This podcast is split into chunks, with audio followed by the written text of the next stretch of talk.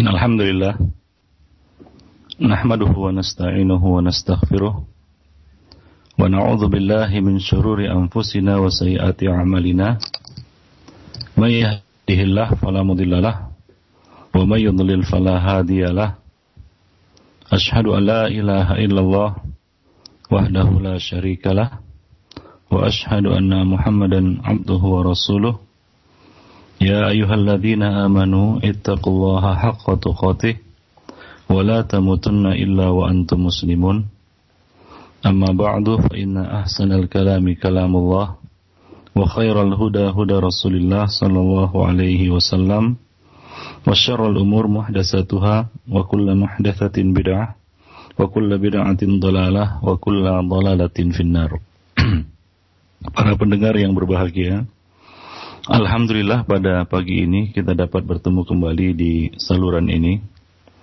Kita masih membahas masalah Al-Kabair yang kita angkat dari kitab Al-Kabair tulisan Al-Zahabi.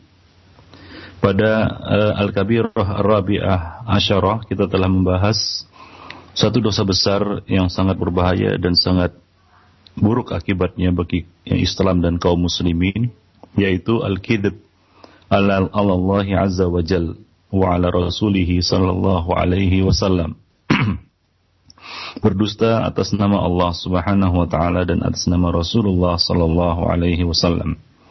Kita telah sebutkan bahwa uh, orang-orang yang sengaja berdusta atas nama Rasulullah sallallahu alaihi wasallam atas nama agama berarti ia telah menempatkan dirinya di an-nar, di neraka dan telah menyiapkan tempatnya di dalam neraka sebagaimana hadis mutawatir yang sampai kepada kita.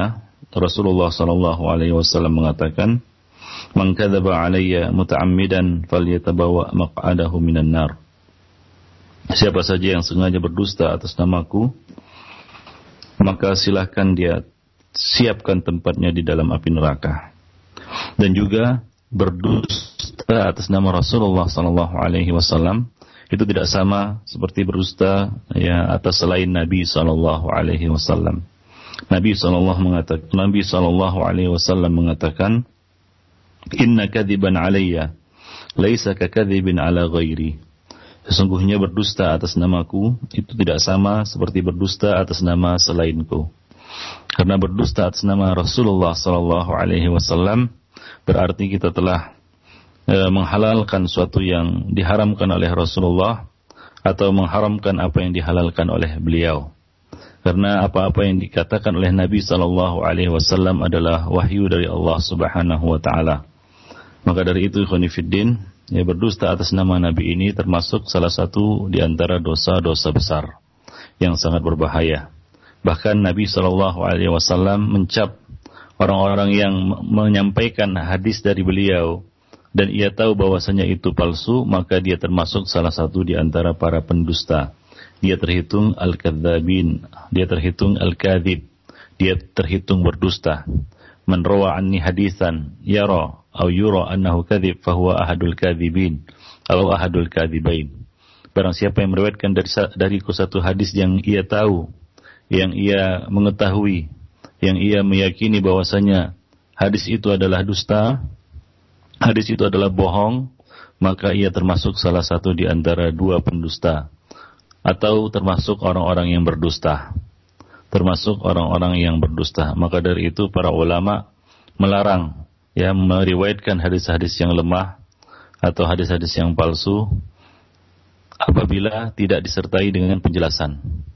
Ya, jadi wajib disertai dengan penjelasan yaitu menjelaskan bahwasanya hadis ini palsu, hadis ini dhaif, hadis ini lemah dan sejenisnya. Jadi harus disertai dengan penjelasan. Tidak boleh kita menyampaikan hadis yang kita tidak tidak bisa memastikan kesahihannya lalu itu kita nisbatkan kepada nabi tanpa penjelasan. Nah, demikian ikhwan fiddin, azani Allah wa jami'an pertemuan kita pada uh, dua uh, dua pekan yang lalu.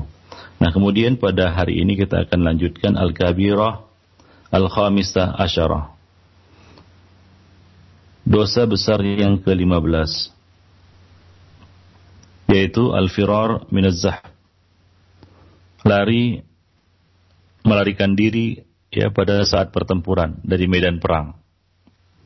Ini merupakan salah satu dosa besar ya yang Allah Subhanahu wa taala ancamkan pelakunya dengan ancaman yang berat yaitu kemarahan dari Allah Subhanahu wa taala dan juga neraka jahanam.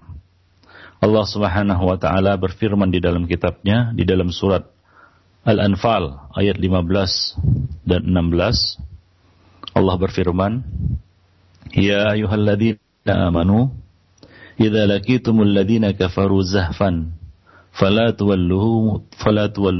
adbar wa may yuwallihim yawma idzin duburahu illa mutaharrifan liqital aw mutahayyizan ila fi'ah faqad ba'a bighadabin min Allah wa ma'wahu jahannam wa bi'sal masir. Allah berfirman, Hai orang-orang yang beriman, apabila kamu bertemu orang-orang yang kafir yang sedang menyerangmu, maka janganlah kamu membelakangi mereka, yaitu mundur ke belakang. Barang siapa yang membelakangi mereka atau mundur di waktu itu, kecuali berbelok untuk siasat perang, atau hendak menggabungkan diri dengan pasukan lain, maka sesungguhnya orang itu telah kembali membawa kemurkaan dari Allah Subhanahu wa taala dan tempatnya adalah neraka jahanam dan amat amat buruklah tempat kembalinya itu. Surat Al-Anfal ayat 15 sampai 16. Jadi di sini Allah Subhanahu wa taala mengancam orang-orang yang berpaling yang mundur ke belakang pada saat pertempuran, pada saat bertemunya dua pasukan, yaitu pasukan muslim dan pasukan kafir, dengan ancaman bahwa Allah Subhanahu wa taala akan memurkainya. Dia telah kembali dengan membawa murka dari Allah Subhanahu wa taala. Itu hukuman di dunia. Nah, kemudian di akhirat Allah Subhanahu wa taala menjadikan jahanam sebagai tempat tinggalnya. Wa ma'wahu jahannam wa bi'sal masir. Jadi ancaman neraka dan kemurkaan dari Allah Subhanahu wa taala di dunia. Maka apabila ya seorang telah hadir di dalam saf, ya telah hadir di dalam saf pertempuran, bertemunya dua pasukan, yaitu pasukan muslim dan pasukan kafir, maka dia tidak boleh melarikan diri dari medan pertempuran. Diriwayatkan dari Abu Hurairah radhiyallahu anhu dari Rasulullah Sallallahu Alaihi Wasallam bahwa beliau berkat, bersabda, "Izdanibu as-sab'al mubiqat." Qalu ya Rasulullah, wa ma hun? Qal, asy-syirku billah harramallahu illa bil haqq wa aqlu riba wa aqlu malil yatim wa tawalli yawmaz zahf wa qadhful muhsanatil mu'minatil ghafilat Nabi berkata, hindarilah, jauhilah tujuh perkara yang mendatangkan kebinasaan. Para sahabat bertanya, apakah ketujuh perkara itu, wahai Rasulullah? Maka Rasulullah menjawab, menyekutukan Allah, yaitu berbuat syirik, sihir, membunuh jiwa yang diharamkan Allah kecuali dengan alasan yang dibenarkan syariat, memakan riba, memakan harta anak yatim, melarikan diri dari medan pertempuran.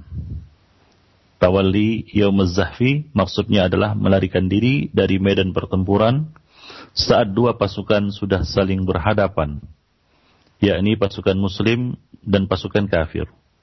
Kecuali melakukan manuver untuk siasat perang atau hendak menggabungkan diri dengan pasukan muslim yang lainnya seperti yang Allah Subhanahu wa taala sebutkan di dalam ayat yang kita bacakan tadi yaitu illa mutaharrifal liqital atau mutahayyizan ila fi'ah kecuali dia mundur itu untuk kepentingan siasat perang menunjukkan seolah-olah dia mundur tapi ternyata ia melakukan manuver untuk memukul musuh dari belakang atau mutahayyizan ila fi'ah atau ia ingin bergabung dengan pasukan yang lebih besar. Ingin enggak bergabung dengan pasukan yang lebih besar. Boleh jadi karena jumlah yang tidak seimbang maka dia mutahayyiz. Ia berbelok dan untuk menggabungkan diri ya dengan pasukan yang lebih besar. Nah, kecuali untuk dua alasan ini, maka dilarang, diharamkan melarikan diri dari medan pertempuran. Nah, kemudian Nabi mengatakan, waqadful muhsanat al-mu'minatil ghafilat. Dan yang ketujuh adalah menuduh zina wanita-wanita mukminah yang terjaga dari perbuatan dosa itu dan mereka tidak tahu menahu dengan perbuatan dosa itu. Nah demikian ikhwan fillah azani Allah wa ikum jami'an. Jadi ayat dan hadis yang kita bacakan tadi berisi larangan keras ya melarikan diri dari medan pertempuran saat bertemu antara pasukan muslim melawan pasukan kafir. Oleh karena itu, Allah Subhanahu wa taala mengancam pelakunya dengan ancaman murka dari Allah dan api neraka. Demikian juga di dalam hadis Nabi Shallallahu alaihi wasallam menggolongkannya ke dalam dosa uh, al-mubiqat. Tujuh dosa besar yang membinasakan. Dan ini ikhwani fiddin azani Allah wa iyyakum jami'an merupakan dalil bagi jumhur ulama yang menyatakan bahwa ya haram hukumnya melarikan diri dari medan pertempuran. Ya jumhur ulama berpendapat haram hukumnya melarikan diri dari medan pertempuran. Ya, kecuali ada satu pendapat dari Al Hasanul Basri. Beliau mengatakan ya tidak tidak haram tapi sebatas makruh. Lalu mereka lalu beliau ya Al Hasanul Basri mengkhususkan ayat tersebut ya ayat yang kita bacakan tadi ya dalam surat uh, Al-Anfal ini beliau bawakan kepada khusus pada pada saat perang Badar. Ya, beliau membawakan ya uh, makna ini dari sabda uh, dari firman Allah Subhanahu wa taala wa may yuwallihim yauma idzin. Ya, lalu beliau membawakan ya yauma idzin waktu itu adalah perang Badar. Nah, jadi beliau mengkhususkan ini untuk perang Badar. Akan tetapi Ikhwan Fiddin, Ya, pendapat yang sahih, pendapat yang rajih, pendapat yang kuat adalah pendapat jumhur ulama bahwa ya uh, larangan ini ya uh, berlaku umum. Ya, bukan hanya pada perang Badar saja, tapi berlaku bakin ila yaumil qiyamah, ila an baqiyal jihad. Ya, bahwasanya hukum ini berlaku selama masih ada jihad fi sabilillah dan selama masih ada perang fi sabilillah. Nah demikian. Ikhwani fiddin rahimani wa rahimakumullah jami'an. Jadi jumhur ulama pendapat haram dan mereka menggolongkannya sebagai salah satu dosa besar. Nah, tadi dikecualikan yaitu orang-orang yang lari dari hadapan pasukan kafir untuk melakukan tipu daya, ya, untuk menunjukkan seolah-olah ia takut kepada mereka kemudian ia melakukan manuver untuk e, mengepung mereka dari belakang, maka hal itu diperbolehkan. Dan itulah yang dimaksud dari firman Allah Subhanahu wa taala, ya illa mutahayyizan uh, illa mutaharrifan liqital. Kecuali mereka berbelok untuk siasat perang. Nah, demikian ikhwan fiddin rahimani wa rahimakumullah jami'an. Demikian juga yang lari dari e, satu arah ya, yang lari atau mundur ke belakang untuk bergabung dengan pasukan muslim, ya yang lainnya dari arah yang lain untuk saling memberikan bantuan. Maka hal itu ya juga dibolehkan dan tidak termasuk dalam larangan. Hingga walaupun ia berada dalam sebuah pasukan kecil misalnya, lalu ia lari untuk bergabung dengan pasukan yang lebih besar. Nah, maka perbuatan itu termasuk yang eh, dibolehkan dan termasuk dispensasi yang disebutkan oleh Allah Subhanahu wa taala di dalam ayat tersebut. Ya demikian pula ikhwan fillah azani Allah wa iyyakum jami'an. Apabila pasukan ya tidak seimbang dan e, keluar dari batas yang Allah Subhanahu wa taala izinkan dan perbolehkan yaitu satu banding dua. Ya satu banding dua. Diriwayatkan dari Ibnu Abbas radhiyallahu anhu ketika turun firman Allah Subhanahu wa taala iyyakum minkum isruna sabirun iyyakum minkum isruna sabirun yaglibu mi'atain. Yaitu firman Allah Subhanahu wa taala ya di dalam surat uh, Al-Anfal ayat 65 Allah Subhanahu wa taala mengatakan ya ayuhan nabi harridil mu'minina 'alal qital Iyyakum minkum isruna sabirun yaghlibu mi'atain wa iyyakum minkum mi'atain wa iyyakum minkum mi'atun yaghlibu alfam minal ladina kafaru bi'annahum qaumun la yafqahun. Hai Nabi, kobarkanlah semangat para mukminin untuk berperang. Jika ada 20 orang-orang yang sabar di antara kamu, niscaya mereka dapat mengalahkan 200 orang musuh. Jika ada 100 orang yang sabar di antara kamu, mereka dapat mengalahkan 1000 daripada orang-orang kafir. Disebabkan orang-orang kafir itu adalah kaum yang tidak mengerti. Akan tapi Allah Subhanahu wa taala meringankannya. Ya, jadi kata uh, Ibnu Abbas mengatakan, kata Allah alaihim min. Allah Subhanahu wa taala mewajibkan atas mereka untuk tidak lari, ya. 20 orang apabila melawan 200. 20 orang melawan 200. Artinya satu banding 10. Thumma nazalat. Kemudian Allah Subhanahu wa taala menurunkan dispensasinya. Ya, memansuhkan hukum terdahulu. Allah mengatakan, ya, al-ana khaffafallahu ankum wa alima anna fikum du'fa. Fa iyyakum minkum mi'atun sabiratun yaghlibu mi'ataini wa iyyakum minkum alfun yaghlibu alfaini biidznillah wallahu ma'as sabirin. Sekarang Allah Subhanahu wa taala telah meringankan kepadamu dan dia telah mengetahui bahwa padamu ada kelemahan. Maka jika ada di antara kamu seratus orang yang sabar, niscaya mereka dapat mengalahkan dua ratus orang. Dan jika di antaramu ada seribu orang yang sabar, niscaya mereka dapat mengalahkan 2000 orang dengan eh, dengan seizin Allah Subhanahu wa taala dan Allah bersama orang-orang yang sabar. Jadi satu banding dua. Ya satu banding dua.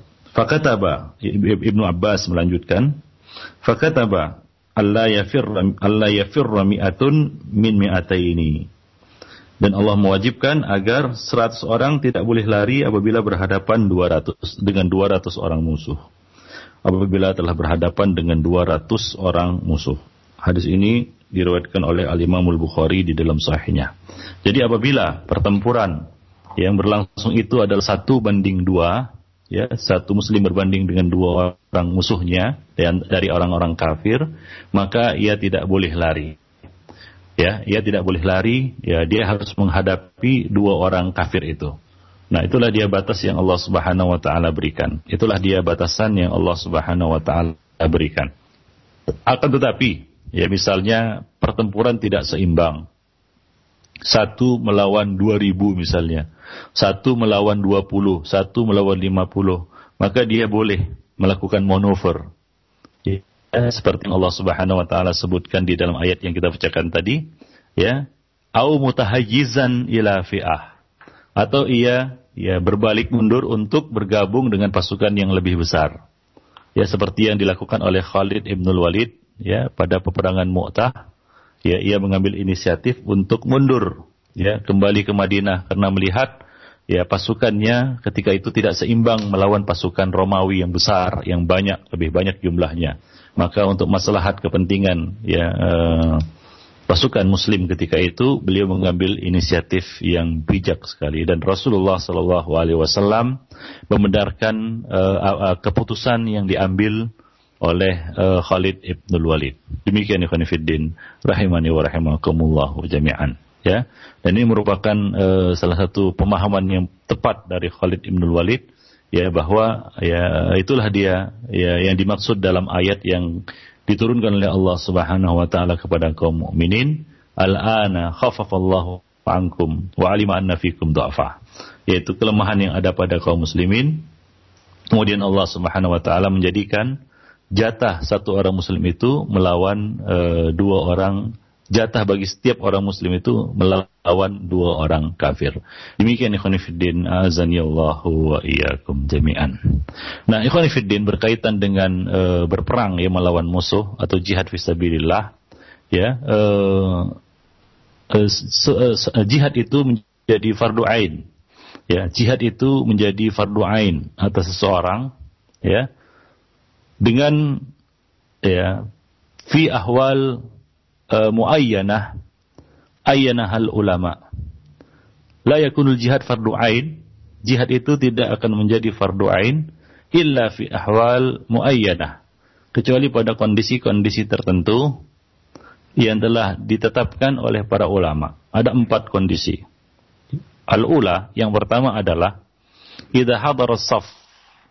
Jika ia sudah hadir di saf, yaitu dia sudah hadir di medan pertempuran.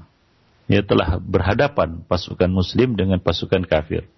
Maka dia tidak boleh lari. Wajib baginya, fardu ain baginya ketika itu untuk berhadapan dengan musuh ya berdasarkan firman Allah Subhanahu wa taala ya, ya di dalam surat uh, Al-Anfal yang kita bacakan tadi ya ayyuhalladzina amanu idza laqitumul ladzina kafaru zahfan fala tuwalluhumul adbar wahai orang-orang yang beriman apabila kamu bertemu orang-orang kafir yang sedang menyerangmu memerangimu maka janganlah kamu membelakangi mereka atau mundur ke belakang itu yang pertama ya jadi Rasulullah sallallahu alaihi wasallam mengabarkan bahwa at-tawalli yaumaz zahfi minal mubiqat. Ya, bahwa melarikan diri pada saat pertempuran itu termasuk perkara yang membinasakan dosa-dosa besar. Yang kedua adalah ats-tsaniyatu idza hasara baladahu al-adu. Jika negerinya ya jika tempat yang ia tinggali itu dikepung oleh musuh. Idza hasara baladahu al-adu jika negerinya sedang dikepung oleh musuh. Falabud ayyudafi' lifaqil hisar an baladihi. Maka dia harus membela dan mempertahankan diri untuk membebaskan ya kaum muslimin ataupun e, menyelamatkan negeri kaum muslimin. Nah demikian ya demikian. Wa fi hadhil hal qala al ulama dalam kondisi seperti ini para ulama mengatakan innahu yakunu fardhu ain. Ya, fardu ain baginya. Ya, lianna hadza ya, lianna hadza kataqabulis safain. Karena kondisi seperti ini kataqabulis safain, seperti berhadapannya dua pasukan. Nah, itu kondisi yang kedua. Astali satu, yang ketiga adalah idza istanfarahul imam. Apabila imam atau pemimpin kaum muslimin yang sah memintanya untuk keluar Falau qal, jika imam mengatakan misalnya, ya fulan, ukhruj. Wahai fulan, keluarlah berperang, sara fardu ain. Maka ya jihad ketika itu menjadi fardu ain baginya. Fala yajuz ayakul, dia tidak boleh mengatakan mur Ya, perintahkan selain aku, suruh orang lain. Bal yajib ayyuti'. Namun dia wajib untuk menaati pemimpin atau imam ketika itu. Nah, kemudian yang keempat ar-rabi'atu idza da'atil hajah ilaihi bi'ainihi. Jika memang ada kebutuhan mendesak untuk dia ikut serta di situ. Misalnya, ya, ayyakuna arifan bi naw'in minas silah. Dia mengerti satu jenis senjata misalnya. Wala yastakhdimu illa mithluhu dan tidak bisa digunakan tidak di, eh, tidak bisa digunakan kecuali senjata itu. Ya, fahuna yata'ayyan alaihi ayyubashirul kital. Maka pada kondisi seperti ini wajib baginya untuk ikut berperang ya bihadas silah alladzi la ya'rifuhu illahu. Ya, dia harus berperang dengan menggunakan senjata itu yang mana tidak ada yang mengenal senjata itu kecuali dirinya misalnya. Nah, inilah dia al-ahwalul arba. Ya, empat kondisi yang disebutkan oleh para ulama ya bahwasanya pada kondisi itu al jihad yakunu fiha fardu ain jihad menjadi fardu ain wa ma ada dzalika fa innahu fardu kifayah adapun selain itu maka jihad merupakan uh, fardu kifayah nah demikian ikhwan fillah azan Allah wa iyyakum jami'an baik Nah, di dalam kesempatan ini juga kita ingin mengingatkan kepada kaum muslimin bahwa jihad yang dimaksud, yang kita maksud di sini adalah jihad yang syar'i. Ya, um, jihad yang kita sebutkan tadi, empat macam atau empat kondisi. Ya, nah, jihad itu adalah jihad li'ila'i kalimatillah untuk meninggikan kalimat Allah Subhanahu wa taala. Ya, bukan jihad-jihad jahiliyah. jihad untuk membela uh, apa namanya uh, kaumiyah, ya jihad untuk membalas dendam atau jihad-jihad yang lainnya yang tidak syar'i. Demikian juga ya jihad yang ya, yang kita sebutkan tadi, idastan farahul imam, jika dia diminta keluar oleh imam, imam yang dimaksud di sini adalah bukan imam-imam gadungan, ya imam kaum muslimin, ya pemimpin kaum muslimin, ya pemimpin kaum muslimin. Seperti di negeri ini, ya kita mengenal siapa pemimpin kaum pemimpin di negeri ini, pemimpin kaum muslimin di negeri ini, yaitu presiden kita, Nah, jadi jadi apabila presiden memerintahkan ya menyuruh ya warganya atau rakyatnya untuk angkat senjata, maka wajib bagi rakyatnya untuk mengangkat senjata. Karena presidenlah, pemimpinlah yang punya hak untuk memobilisasi massa, menggerakkan massa untuk berjihad. Selain itu, pihak-pihak swasta tidak dibenarkan, tidak dibolehkan. Demikian juga imam-imam gadungan. Ini bukan jihad syar'i seperti yang di apa namanya diusung oleh e, beberapa kelompok ya yang mengklaim bahwasanya pemimpinnya adalah pemimpin kaum muslimin padahal ya pemimpinnya itu pemimpin bawah tanah yang tidak dikenal maka dari itu Al Imam Ahmad pernah ditanya oleh seseorang siapakah imam maka beliau mengatakan menjawab yaitu yang apabila masyarakat ditanya siapa pemimpin maka mereka akan menunjuk orang yang sama, orang yang satu. Nah, kita tahu siapa pemimpin kita di negeri ini, yaitu presiden kita. Maka itulah yang berhak untuk istinfar, untuk meminta ya kaum muslimin di negeri ini untuk berjihad. Selain itu, ya wajib diabaikan seruannya. Wajib diabaikan ya apa namanya mobilisasinya. Ya, panglima-panglima gadungan, ya pemimpin-pemimpin imam-imam gadungan ini jangan direspon ajakan mereka untuk berjihad. Karena jihad itu pada waktu itu adalah jihad yang tidak syar'i. Nah, jadi ingat ada empat kondisi yang kita sebutkan tadi, yaitu apabila seorang sudah hadir ya di hadap di hadapan musuhnya dia tidak boleh lari jihad pada waktu itu menjadi fardu ain. Yang kedua adalah kondisi di mana negerinya dikepung oleh musuh, ya maka dia harus mempertahankan negerinya. Nah kemudian yang ketiga dia diminta oleh imam untuk keluar, ya. Dia diminta oleh imam untuk keluar. Itu pemimpin kaum muslimin yang sah. Kemudian yang keempat ya eh, karena desakan kondisi tertentu. Misalnya ia sangat dibutuhkan ya untuk hadir di medan perang. Wallahu alam bisawab jadi ya ini perlu kita uh, garis atasi di sini khonifuddin para pendengar yang berbahagia. Karena sebagian orang menggunakan ini untuk menakut-nakuti orang-orang yang berada di dalam kelompoknya untuk uh, apa namanya keluar dari real perjuangan mereka. Ya dengan alasan kamu tidak boleh keluar dari jemaah ini. Karena kalau kamu keluar berarti kamu e, masuk dalam ancaman ayat ataupun hadis tawalliyo mazahwi ya ber, apa namanya berpaling atau lari dari pertempuran dari jihad. Ya dan jihad yang mereka maksud di sini jihad yang apa namanya yang tidak syar'i tadi. Ya jadi ini tidak masuk dalam ancaman yang kita sebutkan atau dosa yang kita sebutkan pada kesempatan hari ini. Nah demikian ikhwan fiddin. Allah wa iyyakum jami'an. Jadi ini mohon perhatiannya supaya tidak dibelokkan dan disalahartikan eh, apa namanya eh, dosa besar yang ke-15 ini yaitu lari dari medan pertempuran yaitu pertempuran medan pertempuran yang memang syar'i ya bukan eh, apa namanya jihad-jihad yang menyimpang dari real syariat. Itu tidak eh, termasuk di dalam pembicaraan kita pada pagi ini ikhwanifiddin. Azani Allah wa iyyakum jami'an. Bahkan itu termasuk penggelapan makna dari uh, tawalli yaum zahfi. Wallahu a'lam bisawab nah ikhwanifiddin uh, uh, para pendengar yang berbahagia.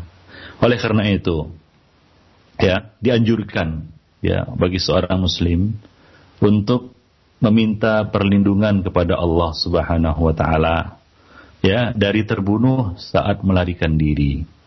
Ya sebagaimana disebutkan dalam hadis Abu Yasar bahwa Rasulullah sallallahu alaihi wasallam pernah berdoa uh, Allahumma inni a'udzu bika minal hadmi wa taraddi wal harami wal gharaqi wal hariqi وأعوذ بك من أن يتخبطني الشيطان عند الموت وأن أقتل في سبيلك مدبرا وأن و, و, أو أموت لدغا Ya Allah, aku berlindung kepadamu dari al-hadam, yaitu mati tertimpa reruntuhan. Bangunan yang runtuh kemudian menimpa dirinya. Kemudian wataraddi. Ataraddi adalah jatuh dari tempat yang tinggi. Ya, seperti gunung, atap atau terjatuh dari tempat yang dalam seperti jatuh ke dalam sumur dan lain sebagainya. Wal harami. Dan aku berlindung kepadamu ya Allah dari al-haram.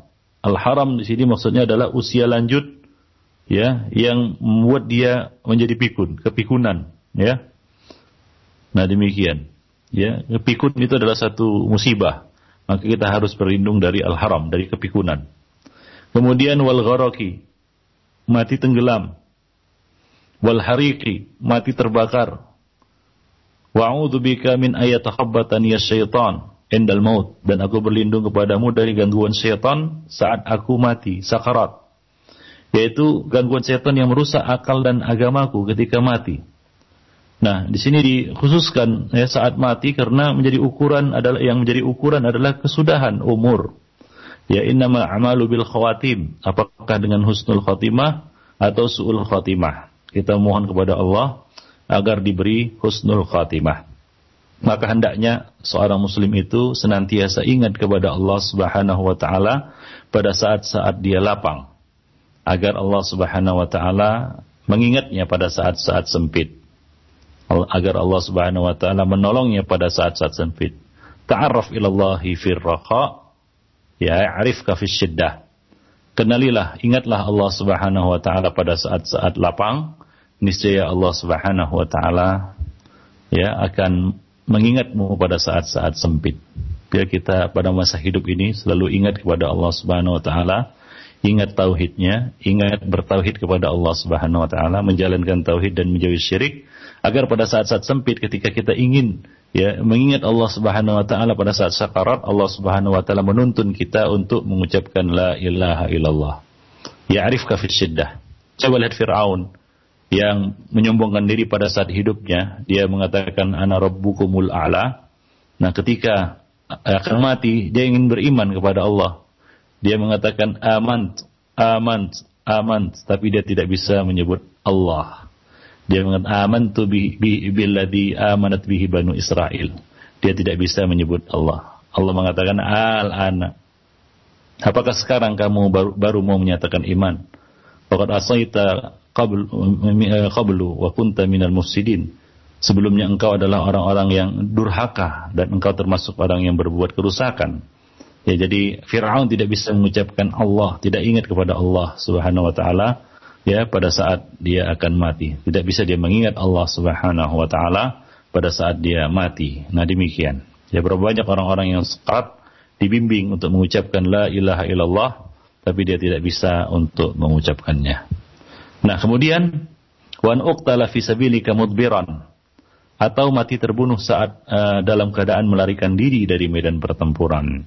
Jadi termasuk yang uh, Allah Subhanahu uh, yang Nabi minta kepada Allah Subhanahu wa taala dan berlindung darinya adalah ya melari uh, mati pada saat melarikan diri dari medan pertempuran. Kemudian yang terakhir au amutaladigan au atau aku mati karena disengat binatang berbisa. Nah demikian. Jadi hendaklah kita apa namanya e, berlindung kepada Allah Subhanahu wa taala dari bentuk kematian seperti ini yaitu mati pada saat kita melarikan diri dari medan pertempuran. Nah, kemudian salah satu faktor yang e, membuat seorang itu lari dari medan pertempuran adalah sikap e, sifat pengecut. Maka dari itu dianjurkan ya untuk berlindung dari sifat pengecut dan dianjurkan melatih diri untuk berani Ya, nah diriwayatkan dari Amr bin Maimun al-Azdi yang mengatakan saat mengajari anak-anaknya ya beberapa kalimat.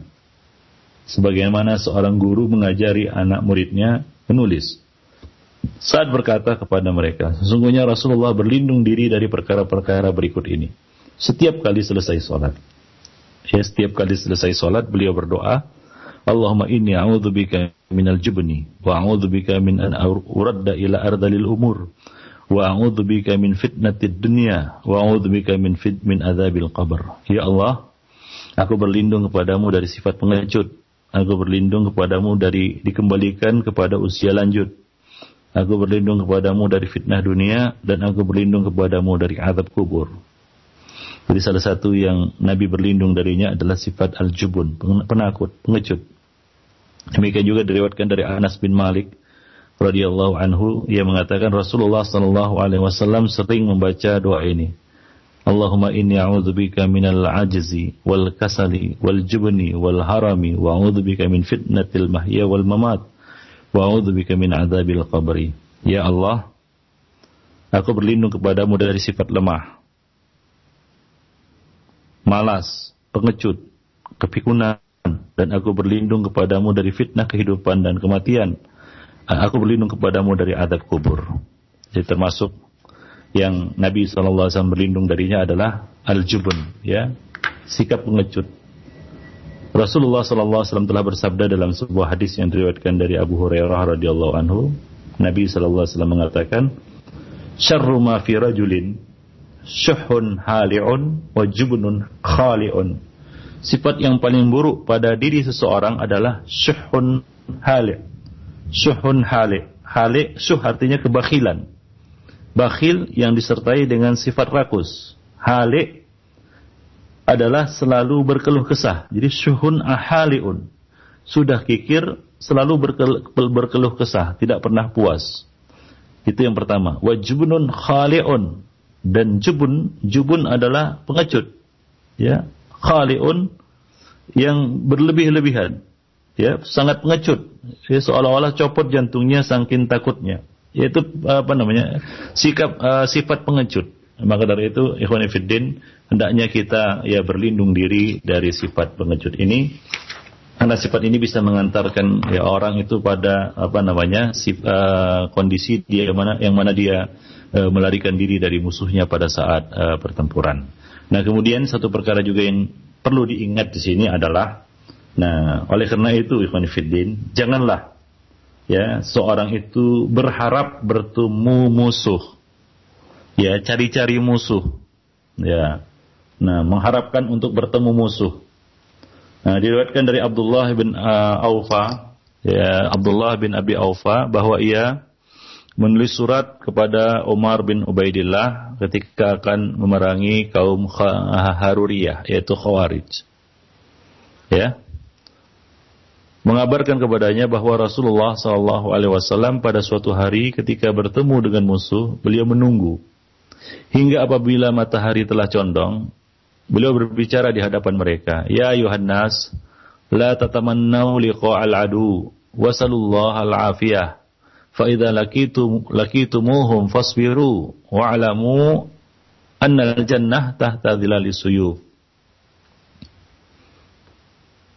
Nabi mengatakan, wahai sekalian manusia, janganlah berharap bertemu musuh. Mintalah kekuatan kepada Allah Subhanahu wa taala. Apabila kalian bertemu musuh, maka bersabarlah. Jangan lari. Kalau sudah bertemu, jangan lari. Nah, ini sebelum bertemu, dia minta-minta bertemu musuh. Ketika bertemu dengan musuh, dia lari. Muncul sifat pengecutnya. Lalu dia lari dari pertempuran. Nah, dan ketahuilah bahwa surga berada di bawah uh, kilatan pedang. Nah, jadi di dalam hadis ini terdapat larangan mengharap bertemu musuh. Ya, maksudnya bukan membenci jihad visabilillah dan tidak meniatkan diri untuk berperang atau tidak mengharap mati syahid. Ya, karena semua itu telah dianjurkan oleh Allah Subhanahu wa taala, ya. Nah, jadi uh, di sini adalah uh, supaya uh, tidak timbul ya perasaan takjub, ujub, ria, ya, ya mungkin dengan jumlah yang banyak atau merasa mampu dengan kekuatan yang dimiliki, ya menyebabkan per, uh, kurangnya perhatian terhadap musuh.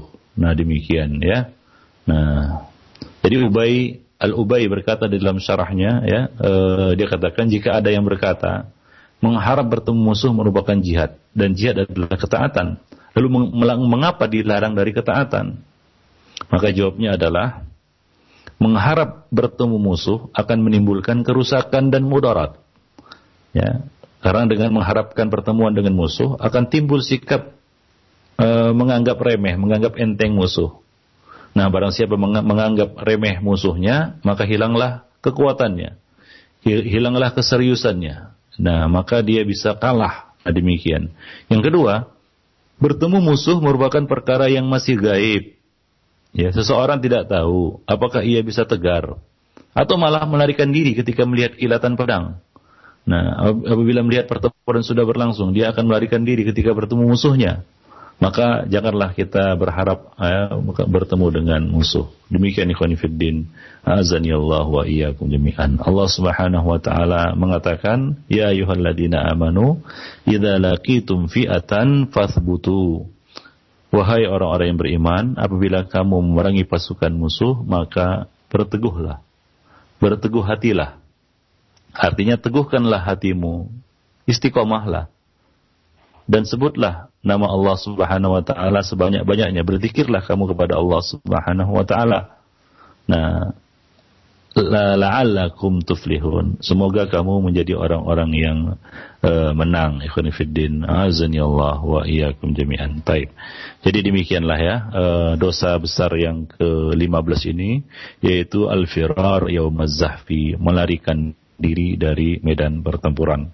Ya, nah tadi sudah kita jelaskan bahwa ini adalah termasuk salah satu dosa besar yang membawa kemurkaan Allah Subhanahu wa taala atas pelakunya dan diancam dengan ancaman yang berat di akhirat yaitu wa ma'wahu jahannam wa bi'sal masir tempatnya adalah neraka jahanam dan neraka jahanam adalah seburuk-buruk tempat kembali. Nabi Shallallahu Alaihi Wasallam menggolongkannya sebagai salah satu di antara perkara-perkara yang membinasakan. Demikian ya Khonifuddin Azanillahu jami'an. Nah untuk selanjutnya kita bisa uh, membuka forum tanya jawab. Aku lupa hadza wa astaghfirullah li wa lakum muslimin innahu huwal ghafurur rahim. Ya, baik. Syukur. Jazakallah khairan barakallahu fiik pada Ustaz dan demikian ikhwatul iman wa'azanillahu pembahasan yang disampaikan oleh Ustaz Abu Ihsan Al Maidani hafizallahu taala yang sangat bermanfaat, uh, yang sangat bermanfaat sekali dari pembahasan Al Kabair yaitu uh, Al Kabair mengenai poin yang ke-15 yaitu dosa besar meninggalkan eh, medan pertempuran. Dan selanjutnya kami buka sesi tanya, tanya jawab bagi Anda yang ingin bertanya langsung silahkan Anda bisa menghubungi kami di line telepon di 0218236543 atau untuk pesan singkat di nomor 0819896543 dan untuk pertanyaan pertama kita angkat uh, pertanyaan di pesan singkat Ustadz ada beberapa pertanyaan. Di antaranya dari penanya kita Assalamualaikum warahmatullahi wabarakatuh Ustadz, apakah orang yang berangkat ke medan jihad sendiri karena tidak diberangkatkan oleh pemerintah kita karena dia ingin membantu kepada saudara-saudara kita yang terzolimi? Bagaimana Ustadz? Silahkan. Ya, itu tidak merupakan fardu ain baginya ya. Itu fardu kifayah. Itu pun dengan syarat-syarat yang ya disebutkan oleh para ulama ya tidak apa namanya mengganggu dan merepotkan kaum muslimin di tempat lain. Ya, tidak justru menjadi beban ya bagi kaum muslimin yang akan dibantunya. Ya boleh jadi karena uh, tindakannya itu justru merugikan pasukan kaum muslimin di sana atau menjadi beban bagi kaum muslimin di sana. Nah, ini juga berkaitan dengan uh, apa namanya uh, kebijakan dari pemimpin ya. Kalau pemimpin misalnya menyatakan tidak perlu, maka dia tidak perlu untuk berangkat. Nah, demikian. Wallahu alam bisawab. Nah, jadi itu ya fardu kifayah baginya untuk membantu kaum muslimin di tempat-tempat yang lain. Nah, tadi sudah kita sebutkan empat kondisi di mana jihad itu menjadi fardu ain, ya. Nah, selain itu wa ma'ada dzalika bahwa fardu kifayah. Nah, fardu kifayah wallahu alam bisawab. Nah, Ya, baik. Terima kasih banyak Ustaz atas jawabannya. Dan selanjutnya kita beralih di line telepon di 0218236543 dan sudah ada Pak Denny yang berada di Jakarta. Silakan Pak Denny. Assalamualaikum Ustaz. Waalaikumsalam warahmatullahi wabarakatuh. Ya, saya mau tanyakan uh, tentang yang kasus di Ambon itu yang kaum muslimin waktu itu uh, diperangin dalam bahasa kasarnya gitu, itu wajib nggak hukumnya bagi kita untuk membantu atau pergi ke sana? Kira-kira bagaimana? Aja, Pak, Karena, ya. ya. Baik, uh, ya. Terima, terima kasih banyak untuk Pak Denny. Waalaikumsalam warahmatullahi wabarakatuh. Dan pertanyaan dari Pak Denny tadi, uh, ada beberapa pertanyaan senada Ustaz di pesan singkat. Silakan Ustaz. Iya. Membantu kaum muslimin hukumnya wajib. Ya, cuma bagaimana cara membantunya? Ya harus bedakan membantu kaum muslimin dan berangkat ke sana. berangkat ke Ambon. Karena ini adalah urusan dalam negeri ya Republik Indonesia yang memiliki pemerintah yang berdaulat, ya memiliki aparat aparatur negara, ya eh, perangkat-perangkatnya yang uh, memiliki hak dan kewajiban, ya hak dan kewajiban. Maka bukan kewajiban rakyat untuk berangkat ke sana. Ya membantu harus, hukumnya wajib bagi kaum muslimin untuk membantu. Jadi kita uh, membantu melalui saluran-saluran yang yang uh, prosedural ya menurut syar'i maupun menurut uh, tata negara di di mana kita berada di sini di Indonesia. Nah demikian. Jadi kita membantu dengan minta pemerintah untuk menyelesaikan ya kasus tersebut dengan dengan apa dengan baik begitu. Ya dan alhamdulillah itu uh, masalah sudah uh, selesai ya uh, tentunya dengan uh, apa namanya kebijakan-kebijakan yang dibuat oleh pemerintah kita berharap kepada pemerintah untuk bisa menangani ya kasus-kasus ini dan tidak terulang eh, untuk eh, ke depannya. Nah demikian. Jadi begitulah ya cara kita membantu ya cara kita membantu kaum muslimin di sana yaitu dengan meminta kepada uh, pemerintah untuk segera menyelesaikan ya dengan baik kasus-kasus yang ada di sana, kasus yang ada di Ambon. Jadi tidak malah memperkeruh suasana ya atau membuat masalah menjadi semakin rumit dan runcing. Nah demikian karena kita tinggal di negeri yang berdaulat dan kita di bawah kepemimpinan satu apa namanya pemimpin yang juga ditunjuk oleh rakyatnya ya. Nah jadi kita serahkan urusan ini kepada uh, yang berwenang ya, yang berwenang dalam hal ini adalah uh, pemerintah dengan apar uh, dengan segala perangkat dan aparatnya. Nah begitulah ya kita membantu saudara-saudara kita di sana yang membantu menyelesaikan urusan mereka. Nah demikian. Adapun memobilisasi masa nah untuk jihad ya dengan mengatasnamakan uh, bendera atau slogan tertentu maka ini, ini tidak dibenarkan. Dan saya ingin mengingatkan kepada saudara-saudara saya kaum muslimin bahwa untuk fatwa-fatwa jihad ya fatwa-fatwa jihad ini tidak boleh diambil dari sembarang orang. Arti eh, sembarang orang. Dan bahkan bukan sembarang orang saja. Tidak boleh diambil dari sembarang ulama. Ya tidak semua ulama boleh dimintai fatwa berkaitan dengan jihad. Ya apa kata Syekhul Islam Ibnu Taimiyah bahwa ya perincian dari permasalahan jihad ini ya merupakan ya hak khusus dari kalangan khusus para ulama.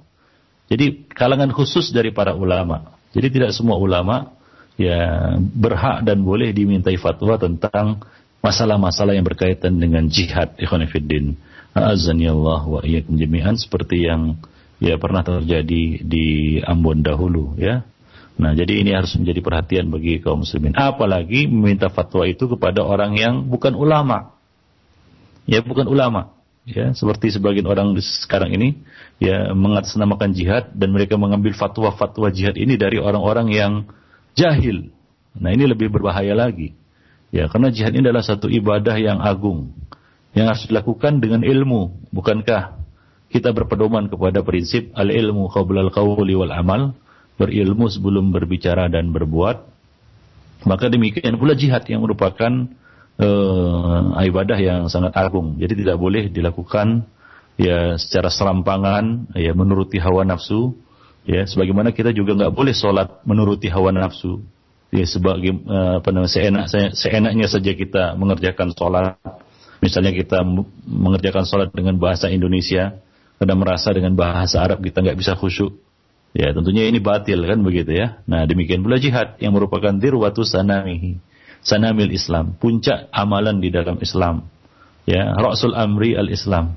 Kepala dari semua urusan itu adalah Islam wa umuduhu salah tiangnya salat wa dirwatu sanamihi al jihad dan puncaknya adalah jihad nah baik pokok maupun tiang sampai kepada puncaknya atapnya ya itu harus dengan ilmu semua sebagaimana kita bersahadat la ilaha illallah Muhammadur Rasulullah harus dengan ilmu tahu maknanya ya memahami maknanya ya syarat-syaratnya ya rukun-rukunnya dan konsekuensi-konsekuensinya Demikian juga sholat.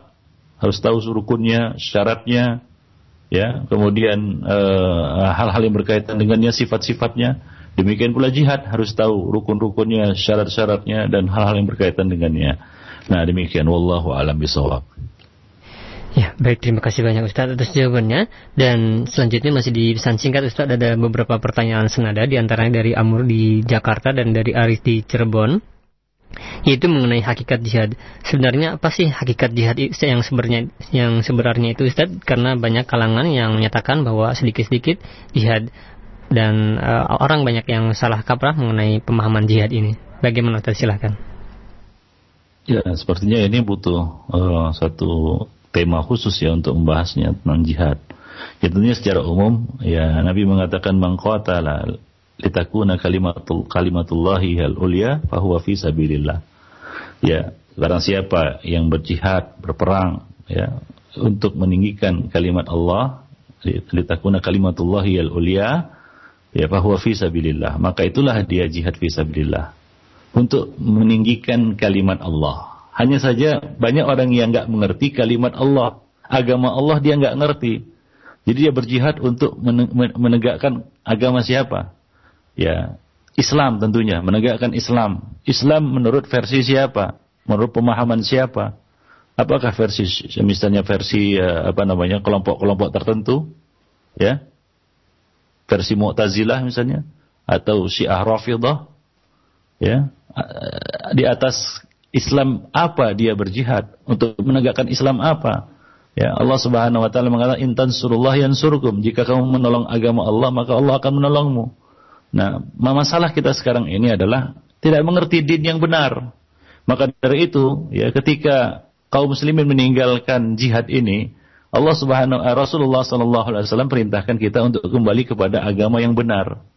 Ya idza tabayyatum bil inah wa akhadtum adnabal baqar waraditum bizzara' wa taraktumul jihad. Ya. Sallallahu alaikum dullan. La yarji'uhu ankum hatta la yarji'uhu ankum hatta ya tarji'u ila dinikum.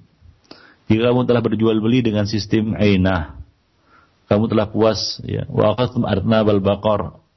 Ya, kamu telah puas mengikuti ekor-ekor sapi dan telah ridha dengan bercocok tanam dan kamu tinggalkan jihad fisabilillah, maka Allah Subhanahu wa taala akan menimpakan atasmu kehinaan. Dan Allah Subhanahu wa taala tidak akan mencabut kehinaan itu dari kamu hingga kamu kembali kepada agamamu. Masalah yang dihadapi oleh kaum muslimin sekarang ini adalah kejahilan mereka tentang ad-din. Hingga mereka seperti kerbau dicucuk hidungnya dituntun digiring ke sana kemari ya tanpa mengerti hakikat yang sebenarnya, tanpa mengerti agama yang benar bagaimana, jihad yang syar'i itu gimana? Ya, bagaimana jihad yang syar'i menurut ilmu yang benar? Ya, menurut ilmu yang benar, ikhwanifiddin, bukan ya kita katakan jihad menurut hawa nafsu. Ya, jihad menurut pikiran dan perasaan kita. Ya, bermodalkan hanya dengan semangat yang berkobar-kobar.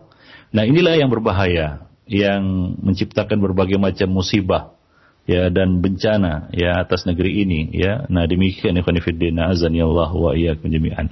Ya jihad yang salah kaprah. Seperti inilah yang apa namanya membuat Islam ya dan kaum muslimin justru semakin tersudutkan.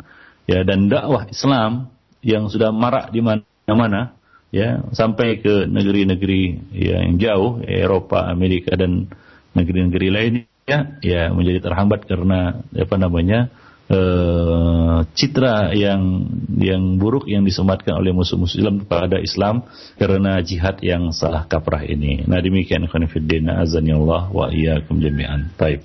Jadi uh, ya begitulah ya mungkin bisa kita jelaskan pada kesempatan ini dan tentunya ya pembicaraan tentang jihad membutuhkan suatu masa yang ataupun waktu yang agak panjang ya. Wallahu a'lam bishawab. Ya, baik. Terima kasih banyak Ustaz atas jawabannya. Dan selanjutnya kita beralih di line telepon di 0218236543 dan sudah ada Ummu Zaki yang berada di Cikarang. Silakan Ummu Zaki. Waalaikumsalam warahmatullahi wabarakatuh. Assalamualaikum. Ya, ini kan sangat fenomenal banget gitu. Uh, sampai-sampai uh, rakyat Indonesia banyak sekali gitu yang uh, mungkin uh, berlomba-lomba untuk berjihad ke sana gitu. Sebenarnya yang ingin saya tanyakan permasalahan yang sesungguhnya terjadi itu di Palestina seperti apa gitu ya Ustaz ya? Dan bagaimana gitu sikap kita? Apakah benar gitu perang di Palestina ini abadi gitu sampai hari kiamat? Dan bagaimana uh, kita menghadapi syubhat-syubhat yang mengatakan bahwa kaum salafiyun itu tidak bisa care dengan saudara-saudara kita di Palestina? Jazakallah Ustaz. Assalamualaikum. Waalaikumsalam warahmatullahi wabarakatuh. Silakan Ustaz uh, ya. Ini sama seperti yang sebelumnya butuhkan jawaban yang panjang ya, ya para pendengar yang beriman ya. Tentunya yang pertama ya kita uh, terus memberikan dukungan ya kepada saudara-saudara kita di Palestina untuk mendapatkan hak-hak mereka dan mereka bisa apa namanya terbebas dari kezaliman ya Zionis Yahudi yang menimpakan berbagai macam ya kejahatan dan kezalimannya terhadap ya, kaum muslimin di sana. Nah, kemudian ya tentunya kalau dikatakan kita tidak care, tidak peduli itu juga tidak benar. Ya kita juga apa namanya menunjukkan kepedulian kita dengan memberikan ya berbagai macam bentuk bantuan yang bisa kita berikan ya dan bermanfaat bagi mereka ya bermanfaat bagi mereka ya baik itu bantuan moral maupun material ya yang bisa uh, meringankan beban mereka dan memberikan jalan keluar bagi mereka dari masalah yang mereka hadapi. Nah demikian memberikan jalan keluar bagi mereka uh, dari masalah yang mereka hadapi ya bisa dalam bentuk ya bantuan moral, material, doa dan lain sebagainya ya. Jadi kita tetap wajib bersama kaum muslimin dan menolong membantu kaum muslimin di mana pun mereka berada ya apalagi mereka ditolimi ya dan mereka eh, apa namanya memberikan motivasi kepada mereka untuk tidak berputus asa dan memohon kepada Allah Subhanahu wa taala agar memberikan pertolongan, menurunkan pertolongannya kepada mereka. Sebagaimana Allah Subhanahu wa taala telah menurunkan pertolongannya kepada kaum muslimin di belahan negeri lainnya, ya seperti di Afghanistan, Bosnia dan negeri-negeri muslimin lainnya. Nah demikian ya dan e, tentunya e, yang perlu ya kita ambil ibrah di sini adalah ya pentingnya mereka untuk kembali kepada agama mereka, melaksanakan Islam dan menjauhi berbagai macam bentuk-bentuk syirik yang menghalangi ya yang menghalangi turunnya kemenangan dan pertolongan dari Allah Subhanahu wa taala. Ya, hendaknya mereka tetap berada di atas sunnah dan di atas uh, tauhid ya dan mengamalkannya dan menjauhi segala macam bentuk bid'ah dan syirik yang mana ini dapat menghalangi turunnya bantuan dan pertolongan Allah Subhanahu wa taala kepada mereka.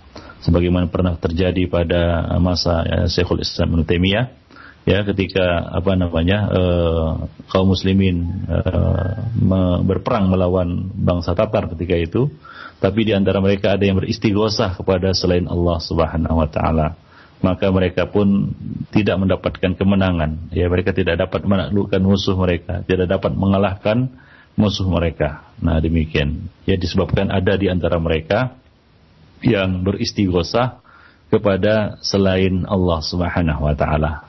Dan itu adalah bentuk syirik. Nah, jadi hendaknya ya, ya ingatlah janji Allah Subhanahu wa taala, "Intan surullah yansurukum." Jika kamu menolong agama Allah, maka Allah akan menolongmu yang menolong agama Allah ya artinya adalah menolong dalam arti kata kita melaksanakan ya uh, agama Allah ini. Kita melaksanakan agama Allah mengamalkan agama Allah ini. Yang terpenting di antaranya adalah tauhid. Ya kemudian menghidupkan sunnah Rasulullah. Ya karena itulah dia jaminan ya kemenangan bagi kaum muslimin. Bukankah Nabi Shallallahu Alaihi Wasallam menjelaskan dalam sebuah hadis bahwa akan ada satu golongan yang berperang Kemudian ditanyakan kepada mereka, adakah di antara kamu yang melihat Rasulullah Sallallahu Alaihi Wasallam? Dijawab ada. Maka mereka pun memperoleh kemenangan. Kemudian datang lagi satu kaum, satu golongan berperang di jalan Allah. Lalu ditanyakan kepada mereka, adakah di antara kamu yang pernah melihat ya sahabat Rasulullah Sallallahu Alaihi Wasallam? Dijawab ada. Maka mereka pun memperoleh kemenangan. Lalu berperang lagi satu golongan ya sesudah mereka Tanyakan lagi kepada mereka, adakah di antara kalian yang pernah melihat orang yang melihat sahabat Nabi, tabi'in? Dijawab ada, maka mereka pun memperoleh kemenangan. Jadi artinya ya khonifuddin azan ya Allah wa jami'an, keberadaan kita di atas manhaj yang benar, manhaj yang hak, itu merupakan uh, jaminan ya kemenangan bagi kaum muslimin. Ingat tadi sabda Rasulullah SAW, ya Allah tidak akan mengangkat kehinaan ini atas kamu hatta tarji'u ila dinikum hingga kamu kembali kepada agama kamu, ya kembali kepada din yang benar, agama yang benar, akidah yang benar, ibadah yang benar, ya Nah demikian saya Allah Subhanahu wa taala akan menurunkan pertolongannya kepada kaum muslimin sebagaimana yang telah diturunkannya kepada uh, apa namanya uh, uh, kaum muslimin terdahulu. Ya saudara-saudara kita kaum muslimin yang terdahulu. Nah demikian Khonifuddin azanillah wa jami'an nasihat yang serupa juga pernah dan sering disampaikan oleh para ulama berkaitan dengan uh, kondisi ya saudara-saudara kita di Palestina. Wallahu a'lam bishawab. Eh, terima kasih banyak Ustaz atas jawabannya dan dikarenakan waktu sudah habis Ustaz, mungkin ada satu kesimpulan untuk menutup acara kita di kesempatan pagi hari ini. Silahkan Ustaz. Ya, ya tentunya yang pertama adalah ya uh, larangan keras, pengharaman melarikan diri dari medan pertempuran pada saat ya kita sudah bertemu dengan musuh kita ya itu adalah suatu yang sangat diharamkan dan diancam dengan ancaman yang berat di dunia dan ancaman juga di akhirat. Nah, kemudian dikecualikan darinya orang yang lari, orang yang mundur untuk melakukan tipu daya. Ya, mutaharrifal likital atau mutahizan ila fi'ah atau untuk bergabung dengan pasukan muslimin yang lainnya disebabkan jumlah pasukan yang tidak berimbang. Ya, satu yang berimbang itu satu banding dua. Kalau lebih dari itu maka dikatakan tidak berimbang dan dia boleh ya bermanuver untuk bergabung dengan pasukan muslim yang lainnya yang lebih besar. Nah demikian. Kemudian ya dianjurkan untuk meminta perlindungan kepada Allah agar tidak terbunuh di satu kondisi yang buruk yaitu kondisi di mana ia sedang lari mundur dari medan pertempuran. Nah, kemudian juga kita harus minta kepada Allah Subhanahu wa taala agar kita dijauhi dari sifat al-jubun, yaitu uh, pengecut, ya sifat penakut dan pengecut. Nah, demikian pula janganlah kita berharap-harap bertemu dengan musuh, ya karena kita tidak tahu apakah kita bisa tegar ketika berhadap berhadapan dengan musuh. Tapi kalau sudah bertemu dengan musuh, fasbutu. Ya, teguhlah kamu. Wadkurullaha katiran. Banyak-banyaklah berzikir kepada Allah Subhanahu wa taala. Kemudian yang terakhir ya bahwa hal ini berkaitan dengan jihad yang syar'i. Adapun jihad-jihad yang tidak syar'i ini tidak masuk dalam pembahasan ini dan itu tidak termasuk tawalli yaumazahfi. Bahkan kalau dia terlibat dalam jihad yang tidak syar'i, maka dia harus keluar dari situ. Wajib dia keluar dari situ ya dia keluar dari uh, kesalahannya itu, dari uh, kekeliruannya itu dan kembali kepada jalur yang benar. Ya, jika jihadnya itu jihad yang tidak syar'i, ya, seperti contoh-contoh yang disebutkan misalnya jihad yang dipimpin oleh ya, selain imam kaum muslimin. Ya, jihad yang dipimpin oleh selain imam kaum muslimin, ya, ya apa namanya yang dipimpin oleh ya pemimpin-pemimpin gadungan misalnya panglima-panglima gadungan maka itu hendaknya dia menarik diri dari ya jihad yang seperti ini bentuknya. Karena itu bukan jihad ikhwanifiddin dan masalah-masalah jihad ini hendaknya ditanyakan kepada ulama yang yang khusus. Bukan sembarang ulama. Apalagi kepada masyarakat awam atau orang awam orang jahil ya penuntut ilmu. Itu tidak berhak untuk berfatwa ya di dalam masalah masalah jihad yang besar ya seperti uh, ini. Nah demikian ikhwan fillah. Azani Allah wa iyyakum jami'an ya pertemuan kita pada uh, hari ini pagi ini mudah-mudahan bermanfaat bagi saya tentunya dan bagi para pendengar sekalian. Lebih dan kurang saya mohon maaf. Uh, yang benar datangnya dari Allah dan yang salah dari saya dan dari syaitan. Aku lupa lihat wa astaghfirullah li wa lakum wa muslimin. Innahu huwal ghafurur rahim